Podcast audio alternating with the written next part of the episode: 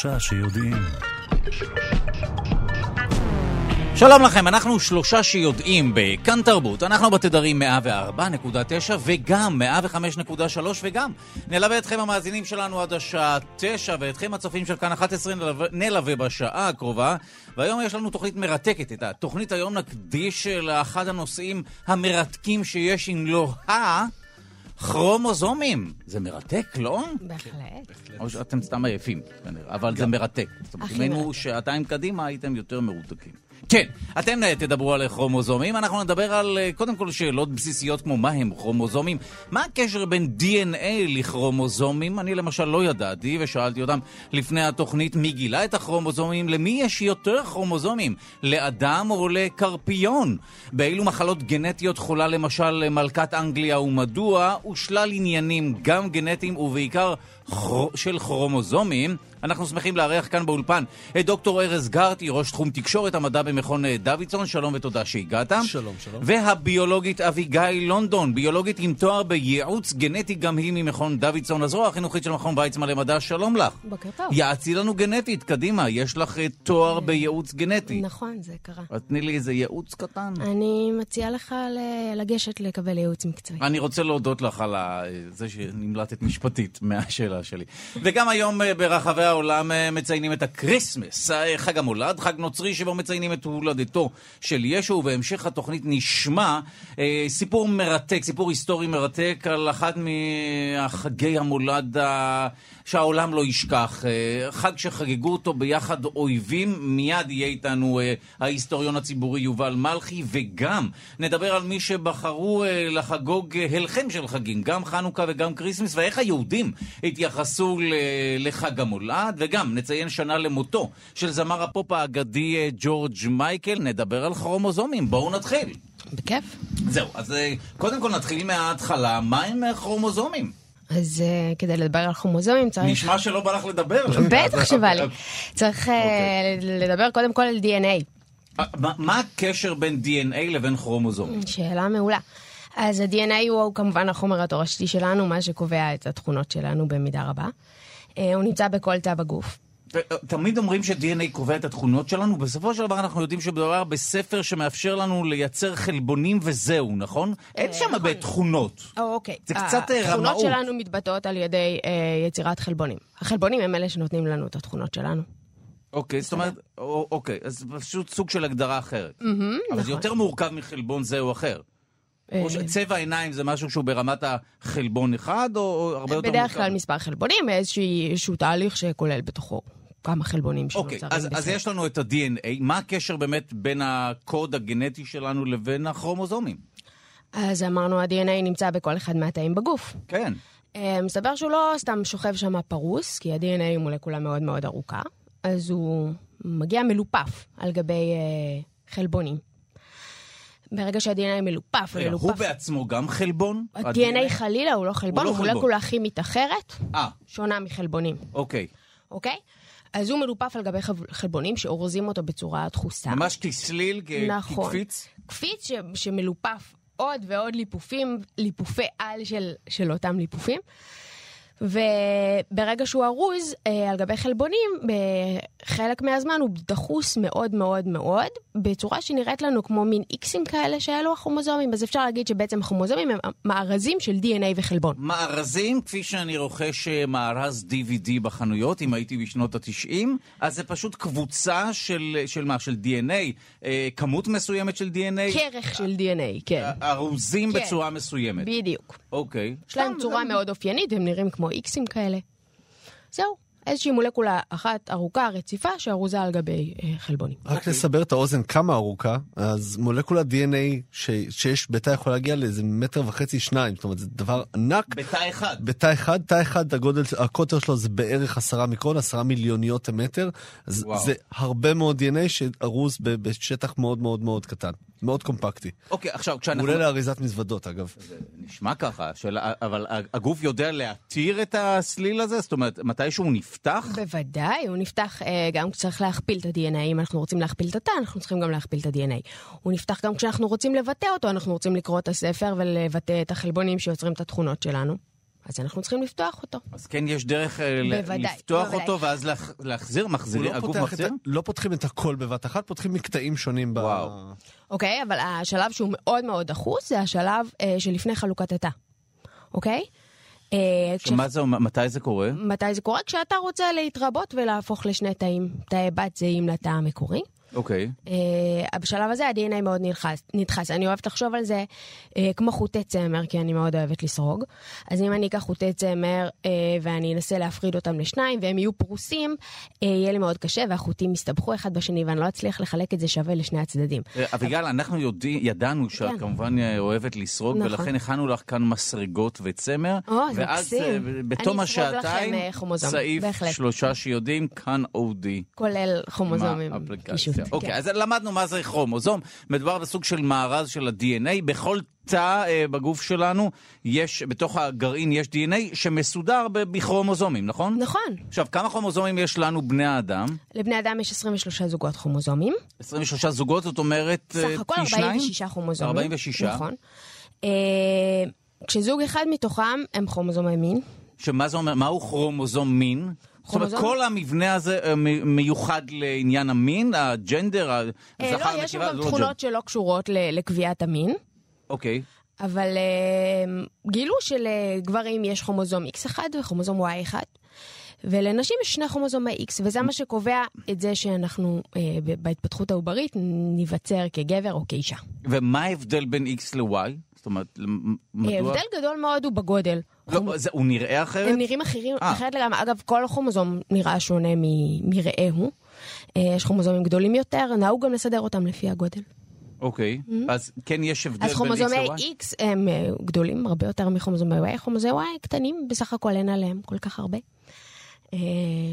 אז ו- רגע, לזכרים בטבע יש מה? כמה? לא? בטבע, לבני אדם זה שונה. ביצורים שונים, באורגניזמים שונים. אוקיי, לבני אדם. אה, לבני אדם יש לזכרים X ו-Y, ולנקבות שני כרומוזומי X.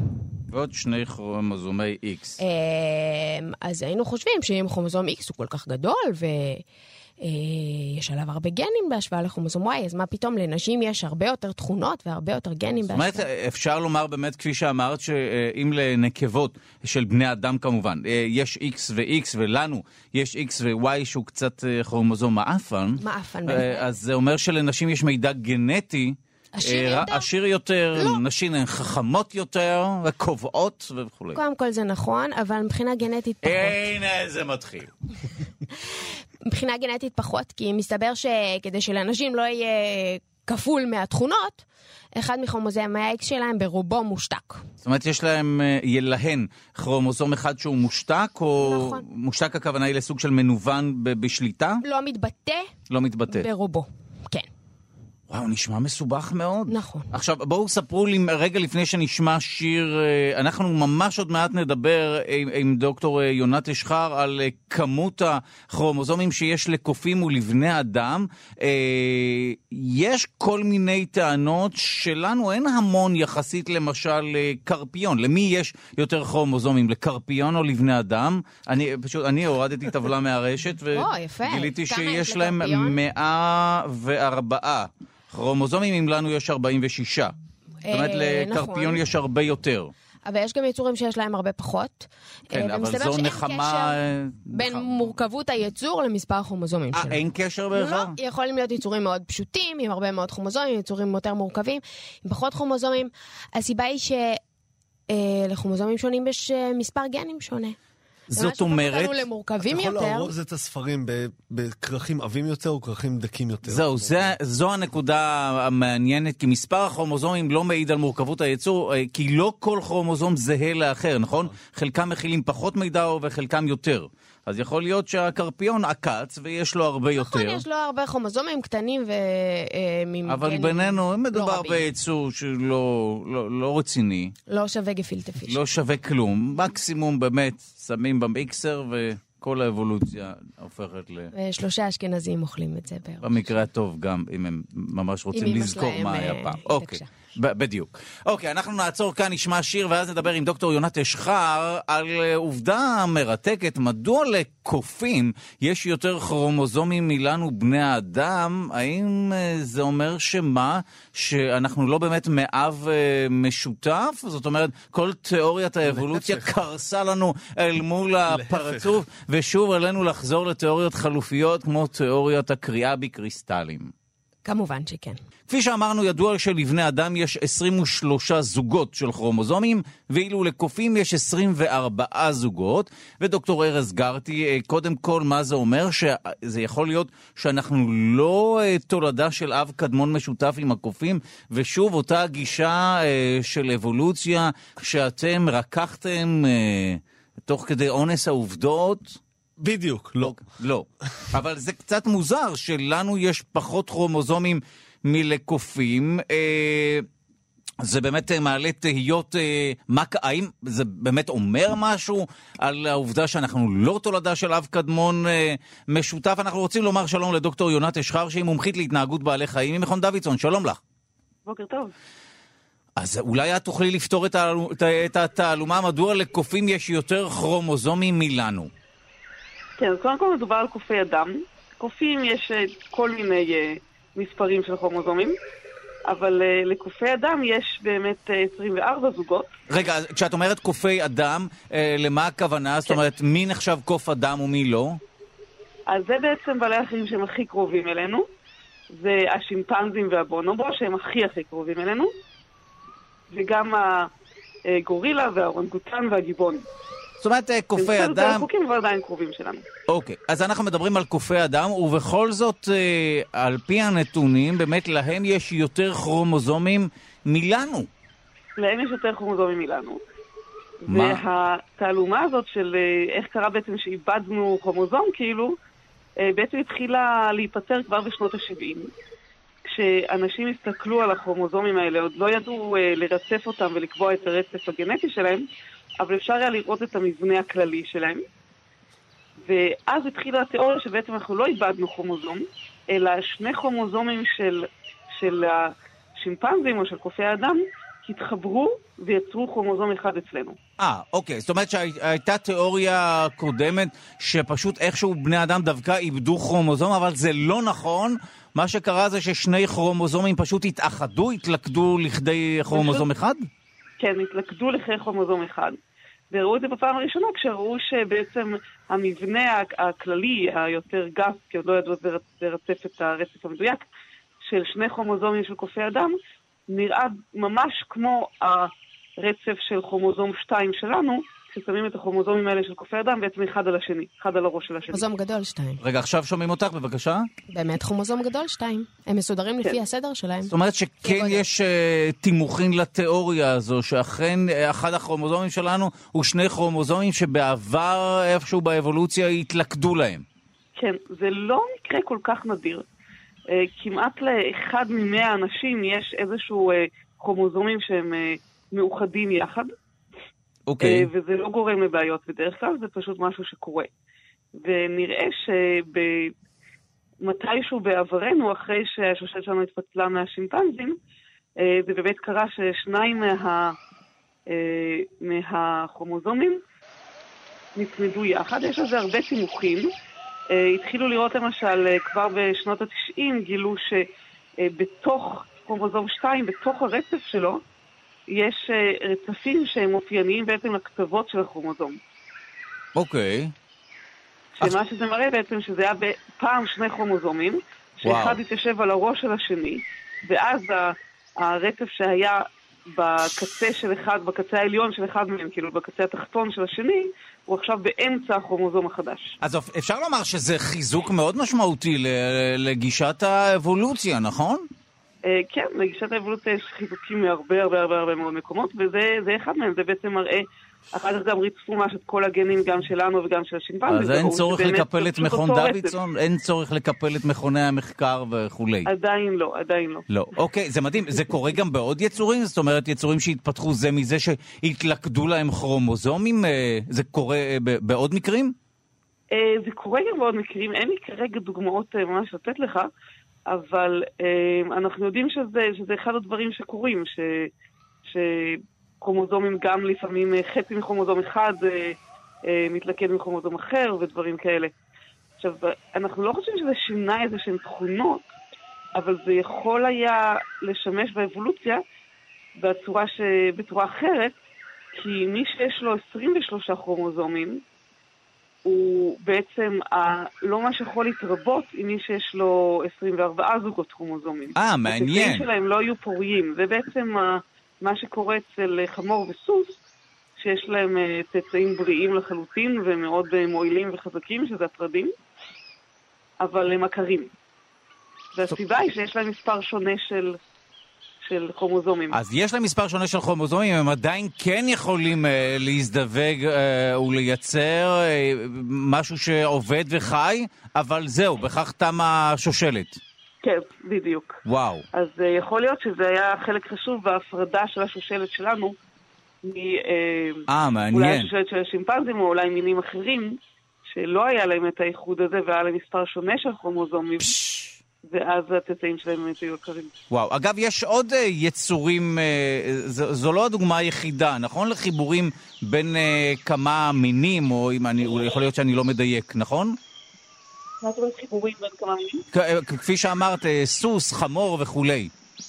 כן, כן, יש כמה וכמה, יש הרבה דוגמאות של בני כלאיים באמת. כן. שאבני הכלאיים, הם, יש גם לזברה ולסוס, יש לפעמים אה, נכון, בני כלאיים. בסופו של דבר באמת ו... יצור הכלאיים הזה הוא לא, אה, זהו, הוא לא יכול יותר אה, ללדת או להביא צאצאים. לפעמים כן, אבל ברוב המקרים לא. אוקיי, בבקשה, מה זה? דוב נמלים אולי גם? לא מסתדר. זה אתה צריך. אוקיי. טוב, זה היה מרתק, אז הנה למדנו מדוע בכל זאת לקופים יש יותר כרומוזומים מלנו, מה קרה באבולוציה לכרומוזומים. הנה, כנראה שאנחנו נושאים כרומוזום שהתאחד, או התאחה עם אחר, אה, ואנחנו בכל זאת אה, תולדה של איזשהו אב קדמון קופי זה או אחר. תודה רבה לדוקטור יונת אשחר, מכון דוידסון, תודה רבה. איך אתם, זהו, אה, מה אתם אומרים? אז כן יש אבולוציה. יש, כן. יש. אוקיי. ואנחנו רוצים uh, לרגע לעצור את השיחה על כרומוזומים כדי לדבר על חג המולד. איך אתם uh, חוגגים, אם בכלל, את חג המולד?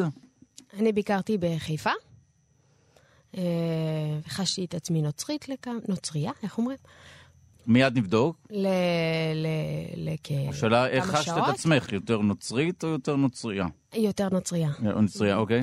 והצטלמתי עם... אה, וכשהרגשת נוצרייה, מה, מה, מה, מה זה אומר להרגיש נוצרי באמת? כי אנחנו יהודים שלושתנו. אה, זאת אומרת, מה קרה לך פתאום כשהרגשת? חיבבתי את הרעיון של לקבל מתנות בחג. זה נשמע לי ו... קוסמופוליטי וחוצה דתות. כמעט קניתי גרב כזאת שימלאו לי במתנות. יש להם קטע עם גרב, אה? כן. אה? אתה מציין את זה או שפחות? אני כל שנה מחפש אה, מישהו ממוצא רוסי לחגוג איתו את הנובי גוד, וזה כמו אה, מימונה כמו בפסח, אני אף פעם נכון, לא מוצא, זה בעיה. תמיד כל החברים הנוצרים והמרוקאים בורחים. וכל אחד בהתאמה לחג שלו. טוב, היום אנחנו אה, מציינים אה, באופן כללי, מצוין ברחבי העולם, כריסמס, חג, אה, חג המולד, אה, חג נוצרי שבו מציינים את הולדת ישו, חג שעבור נוצרים רבים אה, מסמל אה, אור, חום, קירוב לבבות, משפחתיות. עד כדי קירוב לבבות בין אויבים, ועל הפעם הכמעט יחידה שזה באמת קרה בהיסטוריה, אנחנו רוצים לשמוע אה, מפיו של יובל מלכי, שהוא היסטוריון ציבורי ומחבר הספר הסיפורים הטובים בהיסטוריה, וגם מגיש הפודקאסט המצוין בכאן תרבות היסטוריה לילדים. שלום לך. בוקר טוב. אז בוא ספר לנו, הנה כבר ארגנו לך אה, אנדר רחש רקע של מלחמת העולם הראשונה. לא, אה, לא את השיר הזה, זה פחות מלחמה, זה קצת יותר שמחה. יש שם יריות ואנשים שנלחמים. לא נורא, אנחנו נארגן את האנדר. מה קרה? בואו ספר לנו על אותו חג מולד היסטורי. אז מלחמת העולם הראשונה פורצת ככה די בהפתעה. הרבה מאוד מהאנשים הם אה, נמצאים נגיד בחופש בכלל בכל מיני מקומות, נגיד בגרמניה, או גרמנים שנמצאים בצרפת, ופתאום אומרים להם, התחילה מלחמה. זאת אומרת, זה היה די פתאומי כל הסיפור הזה. מלחמת העולם הראשונה אנחנו מדברים, נכון? אמת ויציב, כן. מלחמת העולם הראשונה. ואז לוקחים חיילים, מגייסים אותם מהר לצבא, כי הצבאות הם לא כאלה גדולים, ואומרים להם, אתם הולכים להילחם, אבל עד שהעלים ינשרו, אה, ואולי עד כריסמס, אתם תהיו בחזרה בבית. נותנים להם ככה תחושה שהנה הם הולכים לחודש-חודשיים עם המדים הנוצצים שלהם והקסדות, והם עוד רגע חוזרים הביתה, ממש עוד שנייה, כגיבורים. והם הולכים לחזית, ועד מהרה החזית הופכת להיות חזית של שוחות בין גרמניה וצרפת. של אה, באמת אלפי ואלפי קילומטרים של שוחות. מה זה שוחות? כן, זוכר את זה. מש... חופר באדמה. אוקיי, כן. לא, פשוט באמת זה מזכיר לי את שיעורי ההיסטוריה, תמיד דיברו על מלחמת העולם הראשונה כמלחמת שוחות, אבל מה זה אומר באמת? אז אה, אם אני חופר לעצמי תעלה, ואתה חופר תעלה מצד שני, והן מספיק רחוקות אחת מהשנייה, אז אה, כל פעם אני מרים את הראש, ומחכה שאתה תרים את הראש, ואז נותן לי ירייה, ויורד חזרה מתחת לשוחה ומתחבא. נשמע הדרך הנכונה לבלות את החיים שניתנו לנו פה 80 שנה. זה היה מדהים, אה, חפרו את השוחות מאוד עמוק, ככה שיכלת להתהלך בהם אה, בלי חשש, ואז היית עולה על דרגשים כאלה וסולמות קטנים כאלה, ויורה או פורץ החוצה ורץ לצד, לצד השני. עכשיו, בין צרפת וגרמניה, ככה במיוחד באזור שם היותר מערבי, האדמה בחורף היא לחה, יש המון גשם, האנשים שם היו רטובים כל הזמן, היה להם קר נורא, המון אנשים מתו בשוחות במהלך המלחמה, ולא יכלו לפנות אותם. זאת אומרת, הריח שהיה שם כל הזמן זה ריח של מוות, ולא עזר כלום. היו חולדות, היו קינים, היה איום ונורא. ואנשים, הרבה מאוד אנשים, זה מאוד מעניין, הם פיתחו תחביב צפרות. כי הדבר היחיד שאתה יכול לראות כשבתוך שוחה זה את השמיים למעלה ואת הציפורים. וואו. ואנשים סובלים, הם ממש פתאום זה הופך להיות ממלחמה שיצאנו אליה כגיבורים, כאמיצים שעוד רגע חוזרים הביתה. זה הפך להיות מלחמה של אני צריך להילחם בדיכאון, במה שאביגדור אמיר קרא לו השיגעון הגדול. מה לעזאזל אני עושה כאן? וצריך לשמור על שפיות. כמה זמן, וככה... זה, כמה זמן זה ארך? כמה זמן אנשים בילו בשוחות האלה? אז uh, המלחמה, כ- כ- uh, המלחמה ככלל ארכה קרוב לארבע שנים, זאת אומרת כארבע שנים. אמ, אפילו קצת יותר, אבל אה, אנשים בילו בשוחות בדרך כלל שבוע עד עשרה ימים בשוחה הקדמית, ואז היו חוזרים שבוע לשוחה האחורית יותר, ושבוע הם היו בשוחות האחוריות מאוד, שם היה פחות כוננות, ופחות היו צריכים כל הזמן להיות במתח, שמא עוד רגע הצד השני עולה מהשוחה שלו, ורץ לעברי, יורה וזורק, אז כן היה גיוון בשוחות, זאת אומרת, דיכאון אבל גיוון. כן. היה קצת גיוון, קצת גיוון, אבל באמת כל דקה בשוחות שאתה רטוב וכל המסביב זה רק בוץ ואנשים מתים, זה נראה כמו אה, חיים שלמים, זה נראה כמו שעות וימים.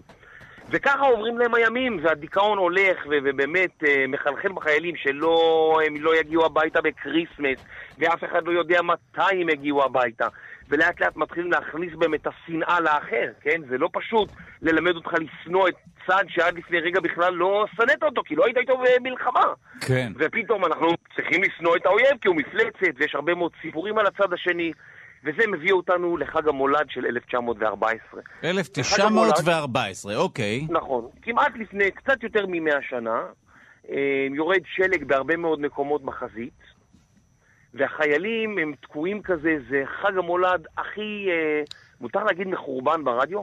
שמע, אם זו מלחמה כל כך קשה, זה understatement, אבל כן. זה כלום. ובאמת, זה החג הכי נוראי שיש להם, אה, באמת הם סובלים, וכשמתחיל ערב כריסמס, פתאום שומעים מהשוחות בצד השני, שומעים מזמורי חג, כן?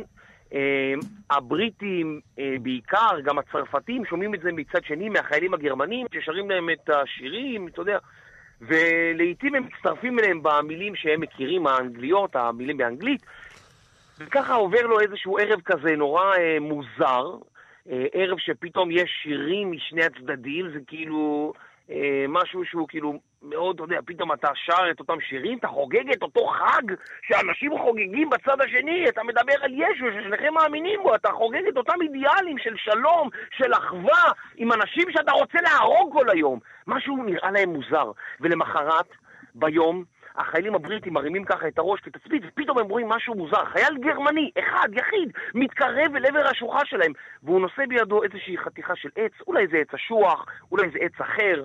Uh, הסיפור הזה הפך להיות, אתה יודע, הרבה מאוד מיתוסים בסיפור הזה, אז אנחנו מאוד מאוד זהירים, אבל חייל מתקרב מאיזשהו ענף וכולם מכוונים את הנשק לעברו, מה זה הדבר הזה? הענף הזה שהוא מחזיק.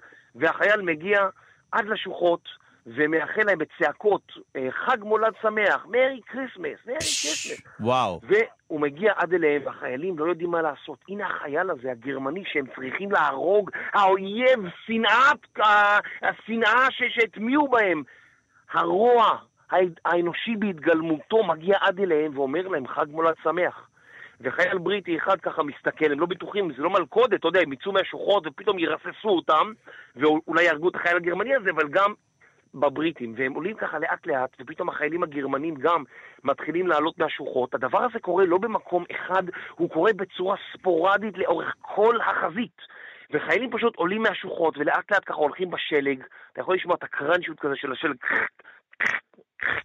והם מגיעים אחד לשני, ולוחצים ידיים, וחלק מוציאים בקבוק משקה ומעבירים אותו אחד בין השני. החיילים האלה שעד לפני רגע ניסו להרוג אחד את השני, ניסו להרוג את המפלצות ששוכבות בשוחות שבצד השני, פתאום הם מושיטים להם בקבוק משקה ושותים ביחד, ומחליפים אה, גלויות אחד עם השני, וחלק מחליפים גם אה, בגדים, כאילו כל מיני סימנים, ובקיצור, יש שם אחווה יום שלם. זאת אומרת, זה כמו, זה חג שהוא עוקף אה, מלחמה ושנאה.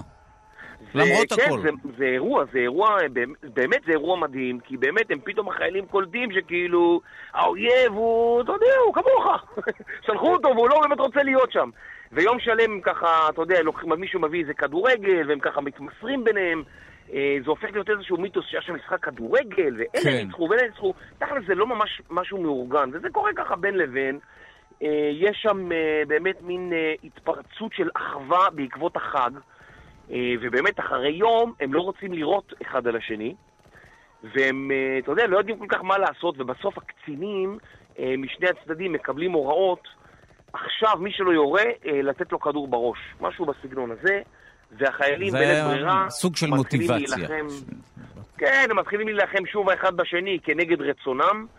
אה, בשנים שאחר כך השנאה כבר מוחדרת אליהם יותר ויותר עמוק, השנאה הופכת להיות יותר תהומית, הדבר הזה לא חוזר על עצמו, ולכן אנחנו עד היום לא זוכרים כל חג מולד שהתרחש במלחמה, אלא באמת אנחנו זוכרים את חג המולד של 1914. אמ, יש, אתה יודע, יש... כמה זמן עוד יש לנו? יש לנו עוד איזה... יש לנו עוד לפחות שעה. אוי. לא, לא, לא, לא, זה בסדר גמור, זה מרתק, זה סיפור מרתק ויוצא דופן. אתה יודע, האנושות היא מאוד מעניינת. בכלל, הבן אדם הוא, הוא יצור מאוד מעניין. הבריטים, לפני מאה שנה, בדיוק היום לפני מאה שנה, הם כבשו את ירושלים. וזה מין התעלות כזאת עצומה, כי פתאום הם כובשים את ירושלים, ואתה יודע, העיר הזאת שהם קראו עליה בתנ"ך, אז הרבה מאוד דתיים הולכים לכנסייה, אין כל כך מה לעשות ביום ראשון, ו... וקצת אחרי שהם כובשים את ירושלים, שבועיים, שלושה אחריהם, מתרחש חג המולד. וחלקם נמצאים בכל מיני מקומות באזור ירושלים, מחוץ לעיר, אה, באזור אבו גוש וכל מיני כפרים, והם כותבים ביומנים שלהם שזה חג המולד הכי נורא שהם חוו בחיים. אה, חייל אנגלי אחד אפילו מספר שלחג המולד הזה אה, הוא אכל סלט קש ותאנים מיובשות ושתה כוס תה. זה מזכיר לי כמה מסעדות טבעוניות באזור תל אביב, אבל אוקיי. אבל בסדר. בקיצור, אז uh, אתה מבין, אנחנו, כמה שאנחנו מתרגשים לכבוש את ירושלים וזה, אנחנו באמת מתרגשים. כן. Uh, חיילים כל הזמן צריך לעבוד איתם וכל הזמן צריך להחדיר בהם את המסרים הנכונים, uh, כי באמת, uh, מהר מאוד נכנסים לשביזות, כאילו, שביזות חג המולד. Uh, יש שם דבר כזה. ובכל אופן, זה באמת אה, חג שלא רק במלחמת העולם, בעוד מלחמות אחרות, אה, מלחמת האזרחים של ארה"ב גם, היו מזמורים משני הצדדים שאנשים שרו, לא יצאו אמנם והתחבקו, אבל גם שרו, ובאמת זה מין חג כזה שהוא מזכיר, לא, כאילו אנחנו לא באמת חוגגים אותו, למרות שהוא הפך להיות מין חג כזה כבר שהוא, אני חושב שתוך כמה שנים הוא גם לא יהיה נוצרי, הוא כבר... כן, הוא יהיה חג מסחרי יותר, כן, כן, נכון. הלואוין כזה שכבר התחילו לחגוג בכל מיני מקומות בארץ, זה גם, גם האמריקאים, תכלס, אני, אני חייתי בארצות הברית המון המון שנים, לא באמת יודעים מה המשמעות של החגים, נגיד חג המולד, מה בדיוק זה מסמן, חוץ מהאנשים הדתיים. מוציאים איזה עץ, שמים איזה נר. משהו מאוד קטן כזה, זה הולדת ישו, משהו כזה, זהו, זה מה שהם יודעים בערך על החג, שורה או שתיים. אה, זה לא ממש משהו כזה דתי, וזה באמת חג שכשיש מלחמות ונוצרים, המלחמה בין נוצרים, זה יכול להיות אה, עילה טובה להשכין שלום בין הצדדים. טוב, זה היה מרתק. תודה מעומק הלב ליובל מלכי, היסטוריון ציבורי ומחבר הספר הסיפורים הטובים בהיסטוריה, וגם מגיש הפודקאסט היסטוריה לילדים, כאן בכאן תרבות. תודה רבה. יום טוב. ביי להתראות, אה, עכשיו אתה יכול. דרך אגב, זה לא המצב היחיד שאיזשהו אירוע גרם להפסקה של מלחמה. המשחקים האולימפיים ביוון העתיקה גם היו הזדמנות לעצור את המלחמות, ללכת, לרוץ קצת ערומים על המסלול ו... ואז לחזור להילחם. לחלץ עצמות ואז כן. להרוג אחד את השני שוב. כן? מעניין אבל שגם מלחמה זה, זה משהו שהוא יחסי, זה כמו משחק, סוג שאפשר לעצור אותו פתאום. כן, אה, לגמרי, ועכשיו, כפי שאנחנו שומעים ממש בזווית האוזן את האנדר המוסיקלי, הצטרף אלינו כאן לאולפן, מי שמכם כמובן רואה אותנו, יכול לראות בזווית העין את כתב הבידור של תאגיד השידור הישראלי כאן בהרצה, האיש שלנו בהליווד, יונתן גד לשעבר ג'אט, לשעבר ג'ה, לשעבר ג'ה. שלום לכם. טוב, אז היום אה, מצוין ברחבי העולם הקריסמס, קריסמס, אני אגיד את זה, נשמעתי טיפה יותר חולי, למרות שאני לא. חג המולד, חג נוצרי שבו מציינים את הולדת אה, ישו. אנחנו מכירים את החג הזה, כשאני אומר אנחנו כמובן, אנחנו הישראלים, או לפחות הציבור היהודי כאן מכיר את זה באמצעות צפייה בסרטים אה, הוליוודיים עליהם גדלנו, סדרות. והנה נמצא איתנו כאן האיש שהגיע משם. אה, כן, הלו דודו. היי, יונתן. Yes. יש delay כמובן, כמובן. כי אתה רחוק. תראה, כבר אה, עוד בשנים הראשונות לתעשייה, אולי לא השנים הראשונות, אבל שנות ה-30-40 לתעשיית הקולנוע כבר הבינו שהקריסמס זה פשוט יום חג אה, לרכישות ולקולנוע. כן, נכון. זאת אומרת, אה, בעידן הקפיטליסטי הבלתי נגמר של ארה"ב, הבינו שהעם צריך לחם ושעשועים, וכמובן הקולנוע יכול לספק את זה.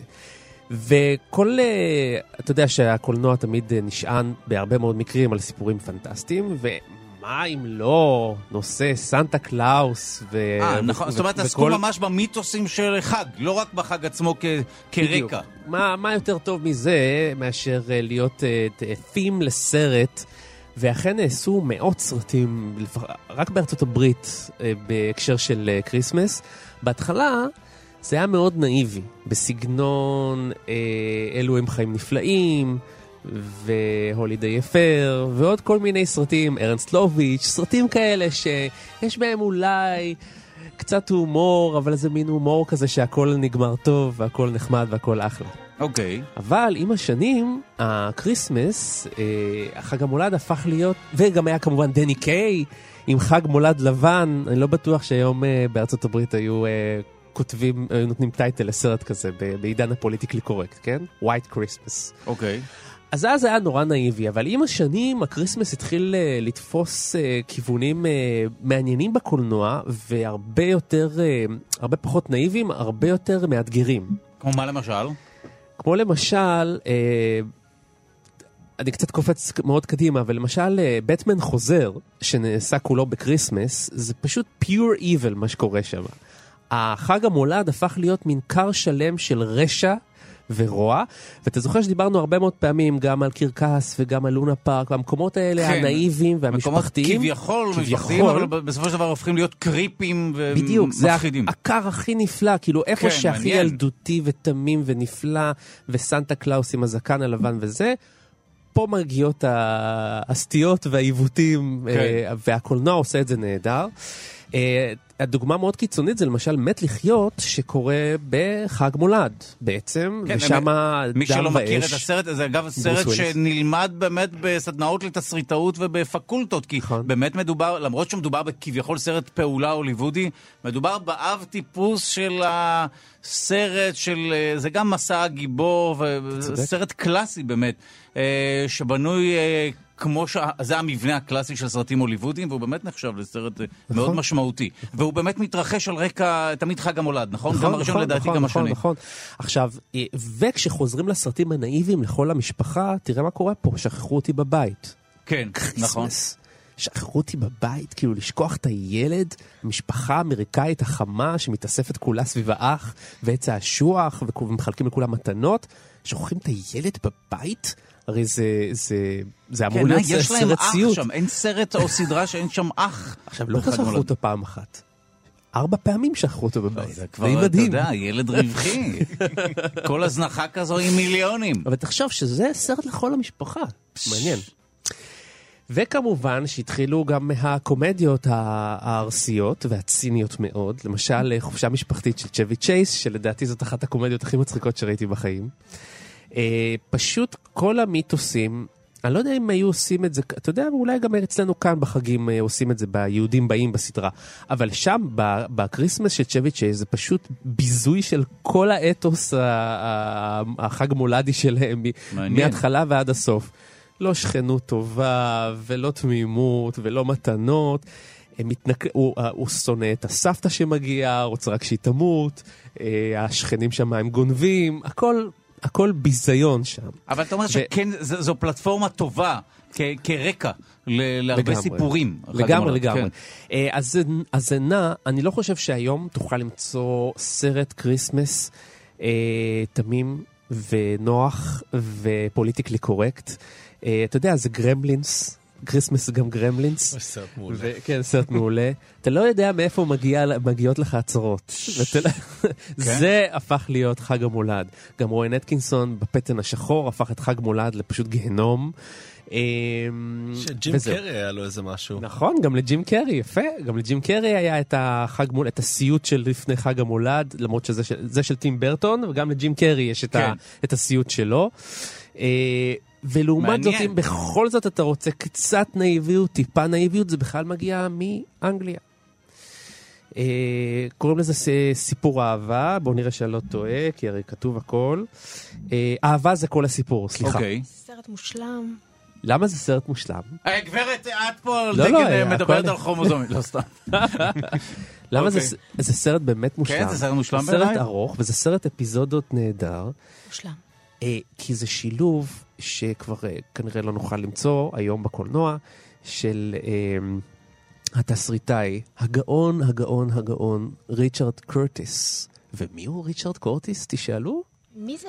הוא כתב את מיסטר בין, והוא כתב, אה, והוא שותף לכתיבת הפטן השחור, והוא אחראי על כמה הקומדיות הכי מוצלחות אה, באנגליה, והוא החבר הכי טוב של רואן אטקינסון. הוא המציא את רואן אטקינסון, את. המופעים שלו, הוא כתב לו את המופעים הראשונים, ושם זה שילוב נהדר של יו גרנט, וגם אטקינסון מופיע שם, ואמה תומפסון, וכל האצולת המשחק הבריטית, והם לוקחים את ה Christmas הזה, עדיין אמנם ציני, אבל מחזירים אותו קצת לסיפורים קצרים על חג המולד, שבסופו של דבר מתחברים כולם ביחד. מתי באמת המון המון הומור נהדר. הקולנוע המקומי הישראלי למשל יאמץ איזה חג וייצר סיפור שהחג הוא ברקע שלו? ויש פחות כאלה, שאלה לא? טובה, כן, חוץ מליל סדה, אני אה, לא זוכר נכון, איזשהו סרט, נכון. לא, אתה צודק, אבל אני לא זוכר איזשהו סרט שכולו מתרכז סביב נכונה. אה, חג. כן, בוא נגיד שכמו שביש... אוקיי, אני אתן דוגמה קיצונית. כמו שבארצות הברית שברו את כל החוקים בגלל ה politically correct שלהם, ושם גם טובחים בגני ילדים וזה, ופה בישראל עוד לא הגענו להרבה דברים שבעיה, שלא נגיע. אז אוקיי. גם אצלנו הקדושה להרבה מאוד דברים, היא עדיין לא הופכת להיות, לא מביאה קהל מסיבי, זאת אומרת, Mm. לא הקדושה, ביזוי הקדושה והפרודיה על הקדושה, כן. עדיין לא הביאה קהל מאוד מסיבי אה, ל- להצטופף סביב איזה מין מדורת שבט אלטרנטיבית כזאת. עוד לא נעשתה מדורת שבט כי אלטרנטיבית. המיינסטרים פה הוא קטן, אז האלטרנטיבי בדיוק. היא ממש אה, כלום. בדיוק, מעניין. אל תשכח שקולנוע גם בישראל הוא נשען על כסף, מה לעשות, כן. וצריך להגיע לקהל, ולא תמיד אה, יש את האומץ ואת התקציב אה, לשבור איזושהי מוסכמה, נגיד לעשות איזה סרט על יום כיפור אה, קומי. אני לא חושב שזה בינתיים פחות. עוד, אה, פחות, פחות. אוקיי, טוב. אה, אז גם קיבלנו טיפ בנושא תסריטאות אוי, למישהו. אני חייב להזמין את או, הצופים. בבקשה, אם בבקשה. כבר, אם כבר המלצה, להס- להסתכל על הפרק של מיסטר בין בחג המולד. מה הוא עושה שם עם ה turkey? הרי הם אוכלים שם עוף. כי זה לא ב Thanksgiving. כן, חג אה, סליחה, ההודיה. סליחה, לא, אז אני מתבלבל עם אה, פרק אה, אחר, הוא אה, יש צודק. להם חג אחד לנוצרים, הוא צודק, הוא והם צודק. מתחפשים, לא אני- סתם. אני נו. בלבלתי בין שני פרקים, אני מדבר על הפרק לא, של אוקיי. ה Christmas, ממש, עם העץ אשוח והכל, הכל, כל המתנות שגם אין. סדרת טלוויזיה שאין הוא מכין לעצמו. מתנות ופותח אותן בבוקר, כן? די, כן? אוקיי, כן, נשמע סליחה. אה, משעשע. תודה רבה אה, לכתב הבידור של התאגיד אה, יונתן גת, לשעבר ג'ת, לשעבר ג', לשעבר ג'. אתה חוזר מכאן להוליווד. מה במעשיך בהמשך אני היום? עם המזחלת, אני חוזר לשם. עם ה... זה סנטה קלאוס. טוב, אנחנו שוב אה, מודים לך שהצטרפת אלינו. אה, אני, טוב, אני אתן, פשוט, רשימת הקרדיטים פה היא ארוכה כל כך, שאני לחוץ מזה שאני לא אספיק לומר אותה, תנו לי לומר אותה, ואז נשלים עוד איזה עניין. אז קודם כל אנחנו נודה למי שעמל על השידור הזה, על ספיישל הכרומוזומים הזה שלנו. אנחנו נפרדים מכם לעוד... אה. אה, אנחנו נפרדים מכם הצופים של כאן 11, אבל נשארים כאן לעוד שעה. אז קודם כל נספר לכם מי עמל על המשדר הזה. העורכים והמפיקים הם אה, אבי שמאי וענת רחל אורי, על הביצוע הטכני יוג'י גבאי. תודה רבה למאפרת דניאלה בן יאיר, ותודה רבה ליגאל שפירא שמלווה את המשדר הזה באמצעות הוואטסאפ. תודה מעומק הלב לצוות הטלוויזיה במודיעין, אה, בזכותם אפשר גם אה, לראות אותנו. ורגע, יש לי פה עוד משהו. כן, ואם אתם רוצים עוד, אתם יכולים ומוזמנים להוריד את אפליקציית כאן עוד אודי.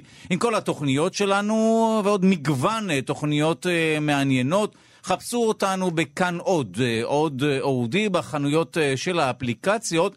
נודה מעומק הלב למי שהיה איתנו כאן ונשארים איתנו שוב אה, לעוד שעה. תודה רבה לדוקטור ארז גרטי, ראש תחום תקשורת המדע במכון דוידסון, תודה רבה. בכיף. ותודה רבה לביולוגית אביגיל לונדון, ביולוגית עם תואר בייעוץ גנטי, גם ממכון דוידסון, תודה רבה. אה, ואנחנו ננצל, יונתן, תודה שהגעת לכאן, ננצל את הדקה שנותרה. אני רק רוצה לשמוע את ה... אה, מתי בערך גילו את הכרומוזומים, ובשעה הבאה נדבר על הפרעות שקשורות לכרומוזומים, כי יש הרבה כאלה. שמרנו את הדברים המוזרים לשעה השנייה. אז מה בבקשה. שמעניין את הכרומוזומים גילו לפני שגילו את ה-DNA עצמו. זאת אומרת, ראו את המבנה הזה לפני שהבינו מה... בעזרת מיקרוסקופ אור רגיל אפשר לראות את הכרומוזומים, כרומוזומים מסוימים בשלב את שהם הגדולים. מאוד מאוד דחוסים לפני חלוקת התא. זה, נכון. זה משהו באמת גדול? אני, עם מיקרוסקופ רגיל אני יכול לראות כרומוזום? מיקרוסקופ אור רגיל, אתה יכול. אור? כן. אמרת אור. אור. כן, מיקרוסקופ אור, לא מיקרוסקופ צריך אור רגיל מיקרוסקופ שעם ה- אלקטרוני. עם המנורה והעדשה, כן.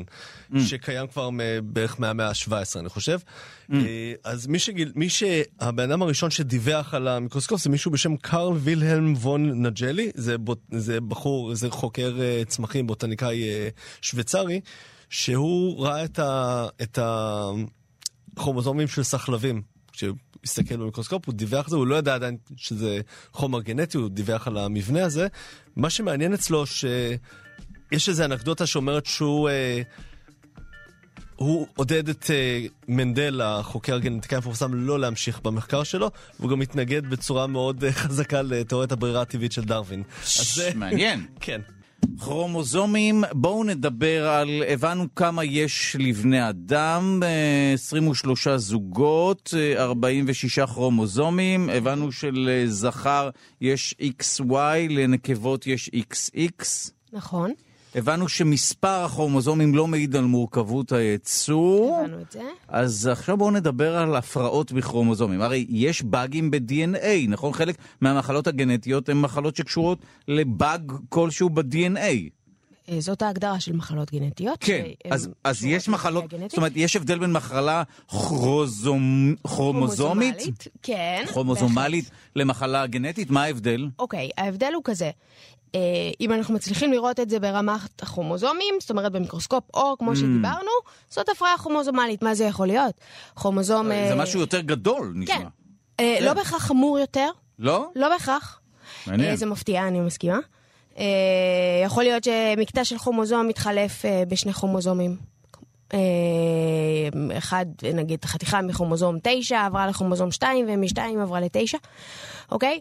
איך, אה, זה, איך דבר כזה יכול להשפיע עלינו? אוקיי, אז uh, הרבה פעמים זה, אנחנו לא נדע שזה קורה. זה קיים בחלק גדול מהאוכלוסייה.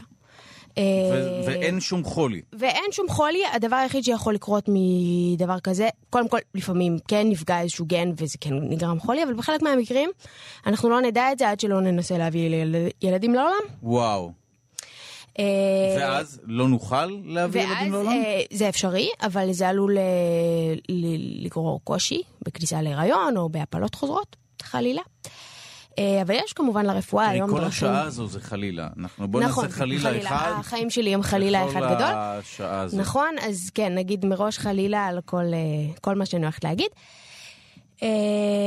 ויש לנו מול הרפואה היום דרכים אפשר לסדר לעזור. כרומוזומים כאלה? לסדר כרומוזומים כאלה לא, אבל אה, אולי נדבר בהמשך אה, מה כן אפשר לעשות. מעניין, אם אפשר לתקן אז באגים בכרומוזומים. אמרנו ש... אה, שמעבר מקטעי כרומוזום מאחד לשני יכול לגרום נזק, לא בהכרח. מה שעוד יכול לקרות זה תוספת במספר כרומוזומים. אמרנו שיש 23 זוגות, 46 כרומוזומים. אז מה קורה אם אחד. פתאום אחד נוסף? מה, עוש... מה קורה לגוף באמת? אה, אז ברוב הכרומוזומים מידע זה גנטי. פשוט לא קיים. אה, העוברים האלה, אם הם נוצרים בטעות, הם לא נולדים. פשוט הם אה, אה, מפסיקים את ההתפתחות שלהם. אבל בחלק מהמקרים, בחלק מהכרומוזומים זה כן אפשרי. למשל, אה, התופעה הידועה שנקראת תסמונת דאון. שהיא מה, כרומוזום נוסף? כן, כרומוזום מספר 21 מופיע בשלושה עותקים במקום בשניים. אוקיי. אה, אז תסמונת דאון בטח כולנו מכירים, אה, יש להם מראה מאוד אופייני, פיגור שכלי, קל עד בינוני, בדרך כלל לא משהו מאוד חמור. אה, יש להם גם בעיות אה, בריאותיות שונות, בניגוד ל... איך זה קורה? אני מנסה להבין, באיזה שלב הדבר הזה אוקיי, קורה? הדבר הזה יכול לקרות ב, אה, בשני מצבים. או בזמן שנוצרים תאי המין, זאת אומרת הביצית והזרע. אם נוצר, נוצרת ביצית שבמקום כרומוזום אחד, מספר 21, הרי העובר שנוצר אמור לקבל כרומוזום מספר 21, אחד מהזרע ואחד מהביצית, נכון? אוקיי. אם הוא בטעות קיבל שניים מהזרע או שניים מהביצית, יהיו לו סך הכל שלושה. זה פתאום קורה? וזה מקבל- קורה ספונטנית. אה. ב- ברוב המקרים זה משהו שלא חוזר על עצמו, זה איזושהי טעות חד פעמית ומצערת. אה, וככה זה יכול לקרות. עוד אה, דרך שבה זה יכול לקרות זה בזמן ההתפתחות העוברית. נניח היו לי כבר, אה, לא יודעת, שני תאים, פתאום בזמן אה, התחלקות של אחד התאים, יש חלוקה לא שווה ונוצר לי מצב של אה, שלושה כרומוזומים בתא. אוקיי. כן?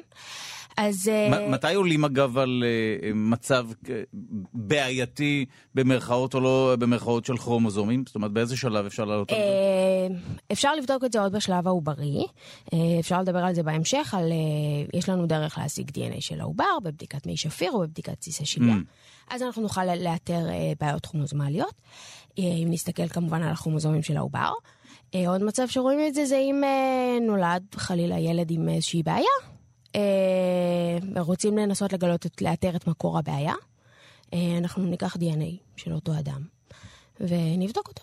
אה, יכול להיות שנגיע לזה שיש לו איזושהי הפרעה כרומוזומלית, עודף חסר, יש, יש בדיקות אה, במהלך ההיריון שהתוצאה שלהם, זאת אומרת, הן- אמורות איכשהו להעיד על בעיה כרומוזומלית? בהחלט, הרבה מהבדיקות שאנחנו עושים במהלך ההיריון, תכליתם היא למנוע תסמונת דאון, זאת הסיבה הגנטית הכי נפוצה לפיגור שכלי. אה, ולכן אנחנו משקיעים הרבה בניסיון למנוע אה, מקרים כאלו. אז אה, בדיקת שקיפות עורפית שעושים אה, שבוע משהו כמו 11, 12 שמה זה הדבר הזה? זה בדיקת אולטרסאונד פשוטה, אה, שמודדים בה את עובי הכפל הצווארי של העובר. ועל מה זה מעיד, אה, העובי הזה? לכשעצמו אה, זה לא מעיד על שום דבר, זה עלול לגרום לנו לחשוש אם, אם העובי גדול מדי מהרגיל. אנחנו חוששים באיזושה, לאיזושהי הפרעה כרומוזומלית, בין השאר תסמונת דאון, יכול להעיד גם על דברים אחרים, כמו מומי לב וכדומה. אבל אה, זה איזשהו נורה אדומה שאומרת לנו, אוקיי, תמשיכו ברור. עוד דבר שעושים זה כל מיני בדיקות אה, דם. אה, סקר שליש ראשון, חלבון עוברי, בטח אה, שיצא לכם לשמוע את השמות האלה. לא.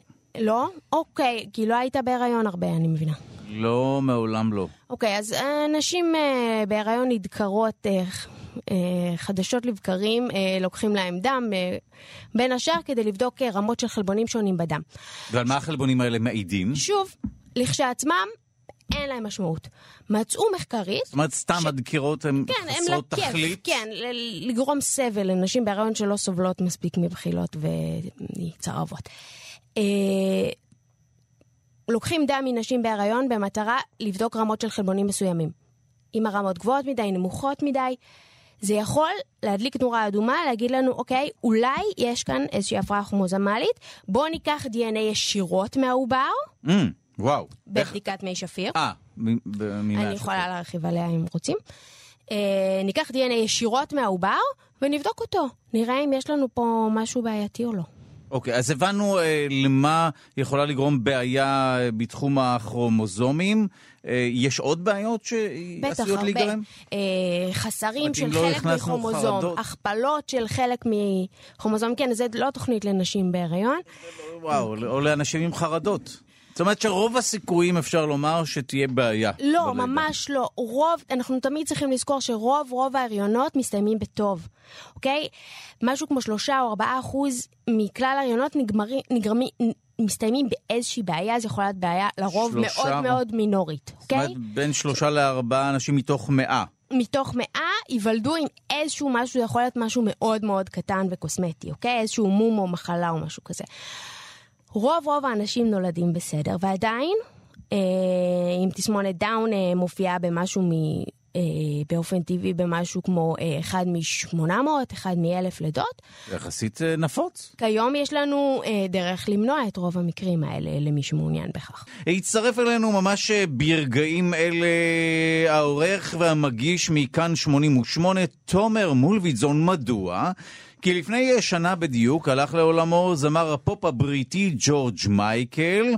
אה, מייקל היה חלק מהצמד המצליח וואם, אה, אני גדלתי עליו, על צמד, על צמד וואם, אבל הוא הצליח לא פחות כשהוא פנה לקריירת אה, סולו, אז שלום למי שיזכיר לנו מי הוא היה ולמה מתכוונים כשאומרים המורשת הג'ורג' מייקלית, תומר מולביזון, שלום, לך. שלום.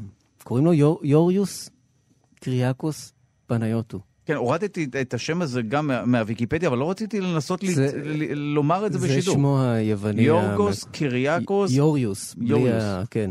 אה, הוא היה בן של מהגר אה, יווני אה, שהקים משפחה פטריארכלית, מסורתית אה, יוונית בלונדון. והכל התנפץ לו בפנים. לחלוטין. הכי לא יווני. לחלוטין. אין לו צלחות ולא ציזיק. שג'ורג' הרגיש רגשות אשם בילדות שלו על כך שהוא קיבל העדפה כגבר במשפחה, היו לו שתי אחיות גדולות. הוא כל הזמן הרגיש שזה רגשות אשם על כן? העדפה הזו. הוא מספר שבגלל רגשות האשם האלו, במהלך הקריירה הוא ניסה לה- להרוס אותה כל הזמן. היה לו אה, הרס עצמי, חוש הרס- עצמי גדול. וואו. הוא כל הזמן ניסה להרוס לעצמו את הקריירה, הקריירה לא נהרסה. הוא וואו. נפגע מזה, הוא הרגיש רע כל הזמן, אנחנו תכף נדבר על זה, אבל הקריירה איכשהו זאת כל אומרת, הזמן... האיש, למרות נסתה. ההצלחה הפנומנלית שלו, כן, הוא היה חסר אהוב, ביטחון לחלוטין וואו. בילדות, הוא היה ילד שמנמן, הוא סחב את זה איתו כל החיים. לא משנה כמה אמרו לו שהוא חתיך ומושך, ואתה יודע, כל הסופרלטיבים שקיבל. כן, אבל הייתה לו אמביציה, הוא מספר שבגיל שמונה הוא חטף מכה בראש, אה, מכה חזקה, והשאר היסטוריה. כן, ומאז- פזיזה. נו, ומאז הכל השתנה, זאת אומרת, עד לרגע הזה הוא אהב, אה, הוא היה קם בבוקר לגינה ואוסף חרקים, זה היה העניין שלו, תחומי העניין שלו. וכתוצאה ממכה ככה הוא בראש, טוען שתוך שישה חודשים השתנו כל תחומי העניין שלו. לחלוטין. כן, אם אתם רוצים ילד זמר מצליח, כן, זה הזמן בראש. לתפוס את העלות ואת ה... אתה יודע, יכול להיות שככה הוא בדיעבד מנתח את זה, אבל באמת, מה ארוך? או, עכשיו באה לי המילה, אוקיי. באמת, אה, אולי שברו לו צלחות על הראש, אבל מהר מאוד אה, אה, כן? השתנה תחום העניין. שלו, הוא הבין והוא אמר, אני הולך להיות כוכב. זאת אומרת, הייתה לו אמביציה גדולה להפוך לאדם מפורסם, לא משנה איך, ואז בגיל 13 הוא פוגש את אנדרו ריג'לי, ומקים איתו את וואם, אבל קודם הם מקימים איזה להקה כושלת. אז זהו, שהיו שמועות אה, בנתניה של שנות ה-80, שההוא לא עשה כלום. אז לא, הגיטרה אז לא לא, הייתה לא, מחוברת. לא, לא, זה לא נכון בכלל. טפץ. למעשה, ג'ורג' מייקל מאוד העריץ אותו, אנדרו כן? היה גם אה, אה, שופע ביטחון, אה, אה, הלך לו טוב עם בנות בתיכון, ג'ורג' השתרך אחריו דווקא בתחילת הדרך. די. אה, והוא באמת ייצר מוזיקה? כן, אה, ואנדרו, אה, אה, אה, בינו לבין אה, ג'ורג' נוצרת מערכת יחסים אה, אה, טובה מבחינה מוזיקלית. הם כותבים יחד את Careless Whisper כבר בגיל ש- 17. די. זה לא יוצא, זה יוצא רק כמה שנים אחר כך, והם כותבים את Wham Rap, הלהיט הסינגל הראשון של וואם. הם פורשים מבית הספר בגיל 17, וכבר בגיל 18 מקבלים חוזה תמורת 500 פאונד. הם מוכרים את כל החיים שלהם. חוזה ל-30 שנה, די. בלי להבין בכלל לאן הם נכנסים, אבל הם נלהבים, היי, הם ילדים ש- שהצליחו, הם קיבלו חוזה. והם הופכים לסנסציה, באמת, זה, זה, זה, זה הסטטיק ובן אל של שנות ה-80 לגמרי, מה בבריטניה. זה? אה, בטח כשיוצא Careless Whisper ו-Wake Me Up Before You Go Go, זה כבר מהפכה עולמית. זאת אומרת, זו להקה עולמית, והם ההרכב הפופ הראשון שמופיע בסין הקומוניסטית באותה תקופה, וזה מקבל סיקור נרחב, אבל ג'ורג' מקבל את הסיקור. Mm. והוא מבין בשלב הזה שהוא יכול להצליח לבד, הוא גם מבין שכדי שיתייחסו אליו ברצינות, זאת אומרת, לא ככוכב ילדים, הוא רצה לשבור את התדמית הזו של כוכב ילדים, הוא צריך אה, לצאת לדרך עצמאית. זה כמו ש... אה, אפשר לחשוב כמה הוא הכביד עליו, מסכן. לא, אבל הייתה. להם תדמית, הם ידעו שהם מצחיקים, הם ידעו, הם, הם, אתה יודע, אנחנו צוחקים על כן? הדימויים שלהם, הם ידעו, הם הגזימו בכוונה, Mm. והם היו כוכבי יל- ילדים בתקופה קשה. שנות מעניין. ה-80 של מרגרט תאצ'ר ובבריטניה. אז הוא רצה שיתפסו אותו כאומן רציני יותר? כן, הם היו אסקפיזם, הם, הם היו. סטטיק ובן אל של עכשיו, הסטטיק ובן כן. אל של עכשיו הם אסקפיזם בתקופה מאוד קשה שלנו. מעניין. הם היו אסקפיזם בתקופה מאוד קשה של בריטניה. וזה כמו ש... שוב, אני חוזר לדוגמה הזו, כי זה כמו שבן אל יהפוך לעברי לידר עכשיו. זה ברמה, זה מה שג'ורג' מייקל הצליח אנחנו לעשות. צריכים לעכל את מה שאמרת.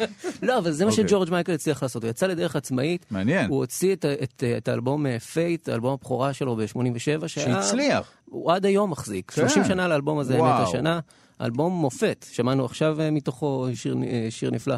הוא הצליח כמוזיקאי אה, לבן לחדור לתחנות רדיו אפרו-אמריקאיות ששידרו רק rhythm and blues. זאת אומרת, הוא עשה ממש אה, מהפכה גדולה, ואז החליט ש, שנשבר לו, שקשה לו.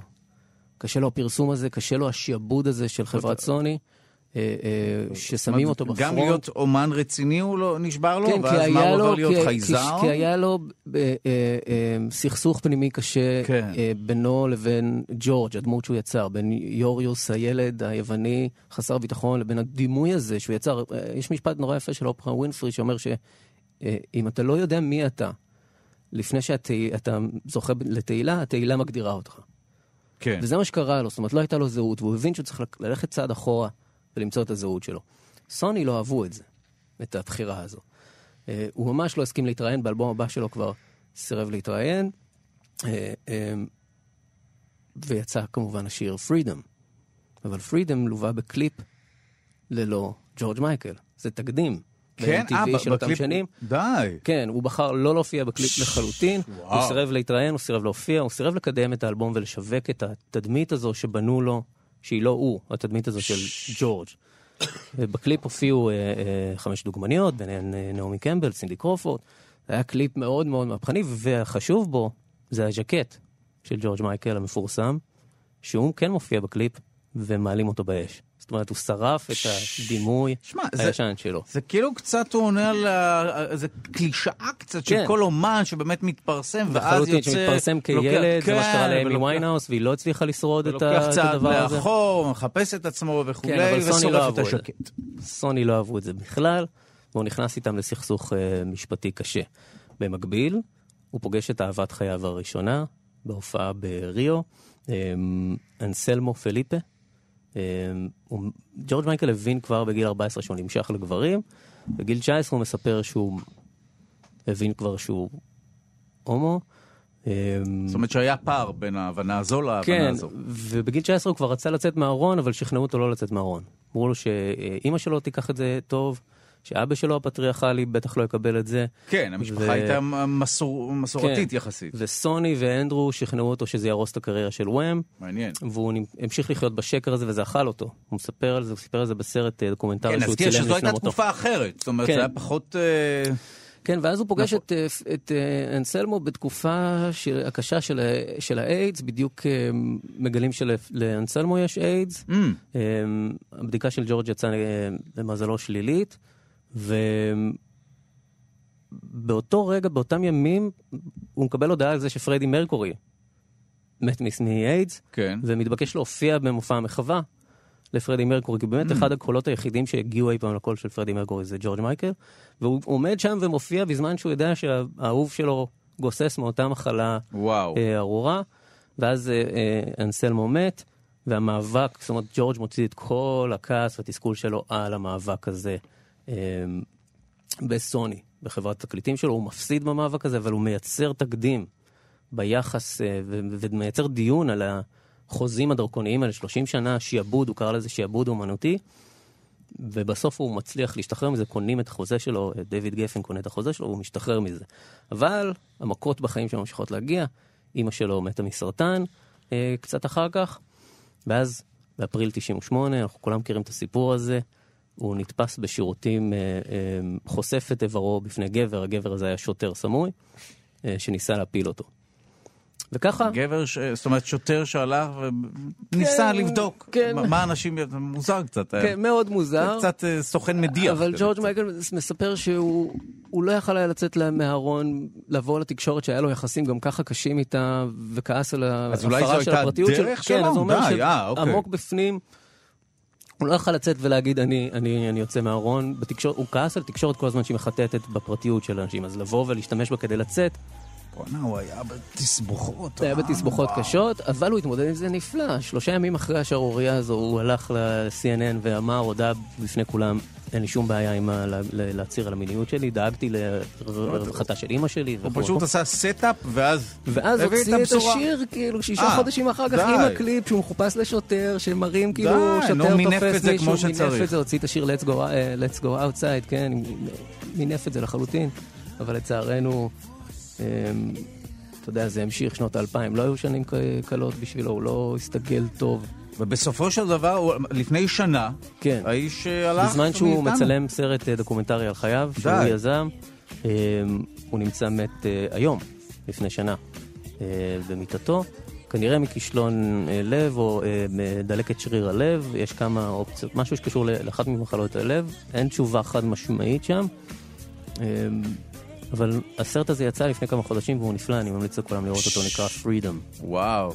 אה, Fast Love זה גם, זה שיר שיצא אחרי שאנסלמו מת, זה שיר שנכתב על המערכת, על סקס מופרע ויחסים פרועים ועל סיכונים שבתרבות הזאת. אוקיי, אז אה, תודה מעומק הלב לעורך ולמגיש אה, בכאן אה, 88, תומר מולביטזון, על הסקירה הזאת.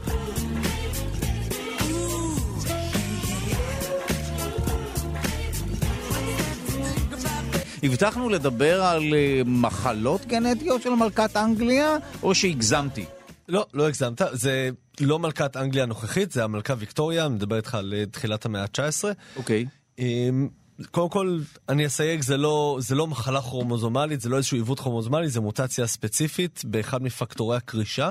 זאת אומרת שאצל אותה אה, מלכה, אצל ויקטוריה, היא נולדה עם אה, בעיה בקרישת הדם. היא הייתה מדממת יחסית בקלות, זאת אומרת, אם מכל חתך קטן הדימום היה לוקח לו המון זמן להיעצר.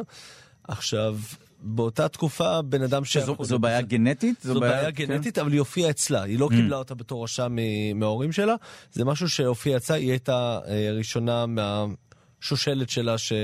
שזה הופיע אצלו, זה פשוט לא דבר נדיר, אגב, זה, זה לא דבר, אה, דבר שהוא קיים.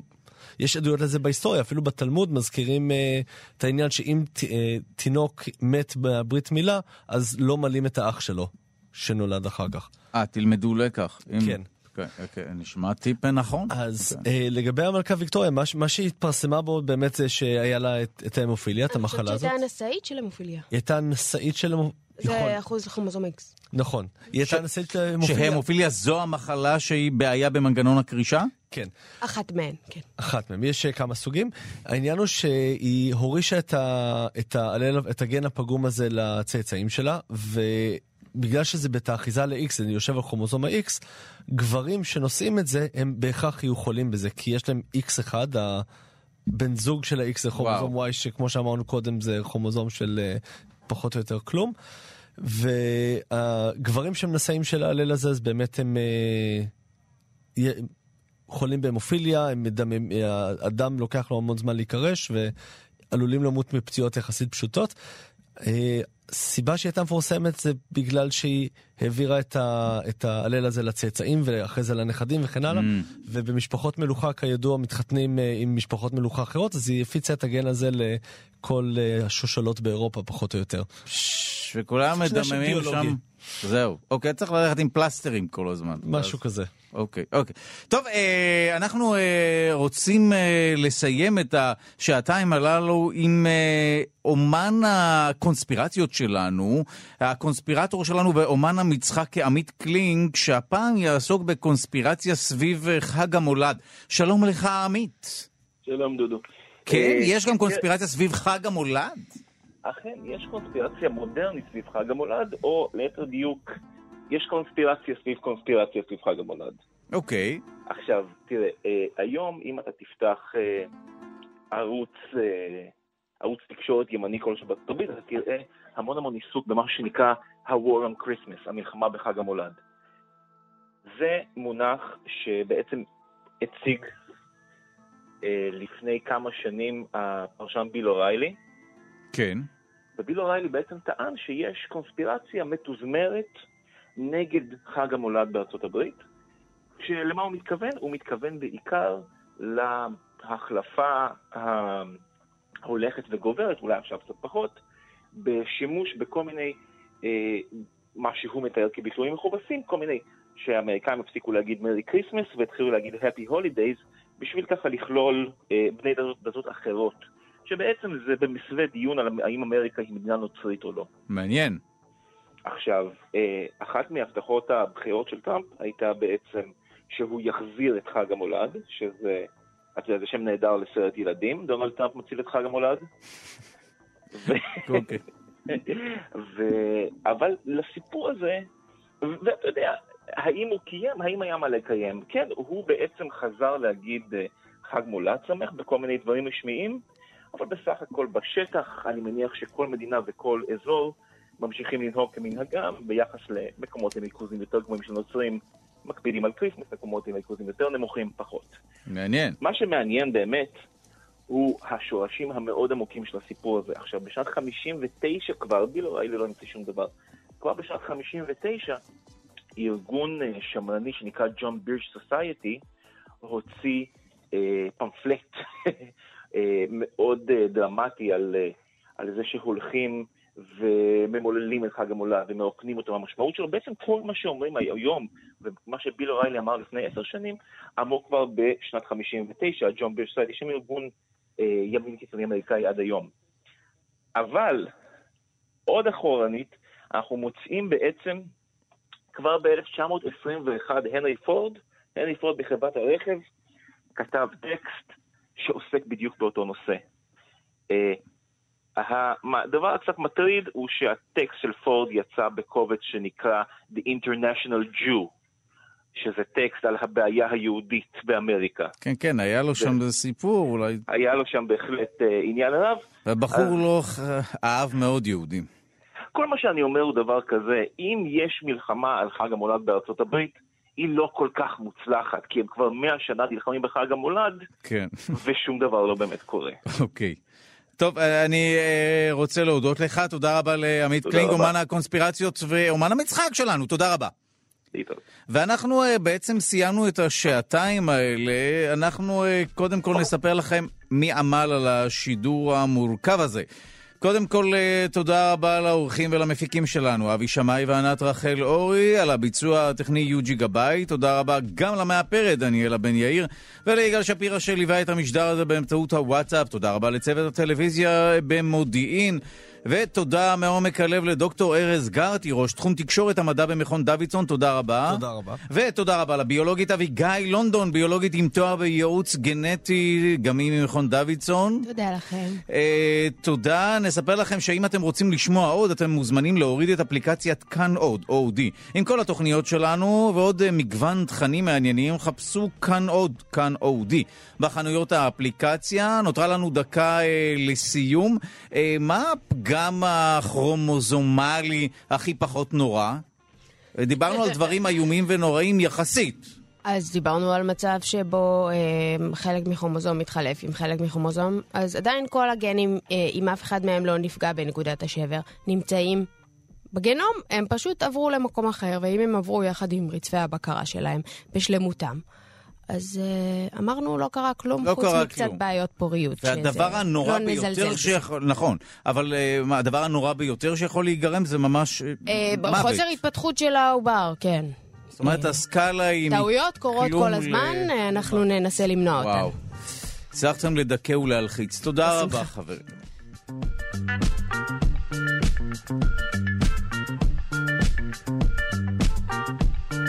you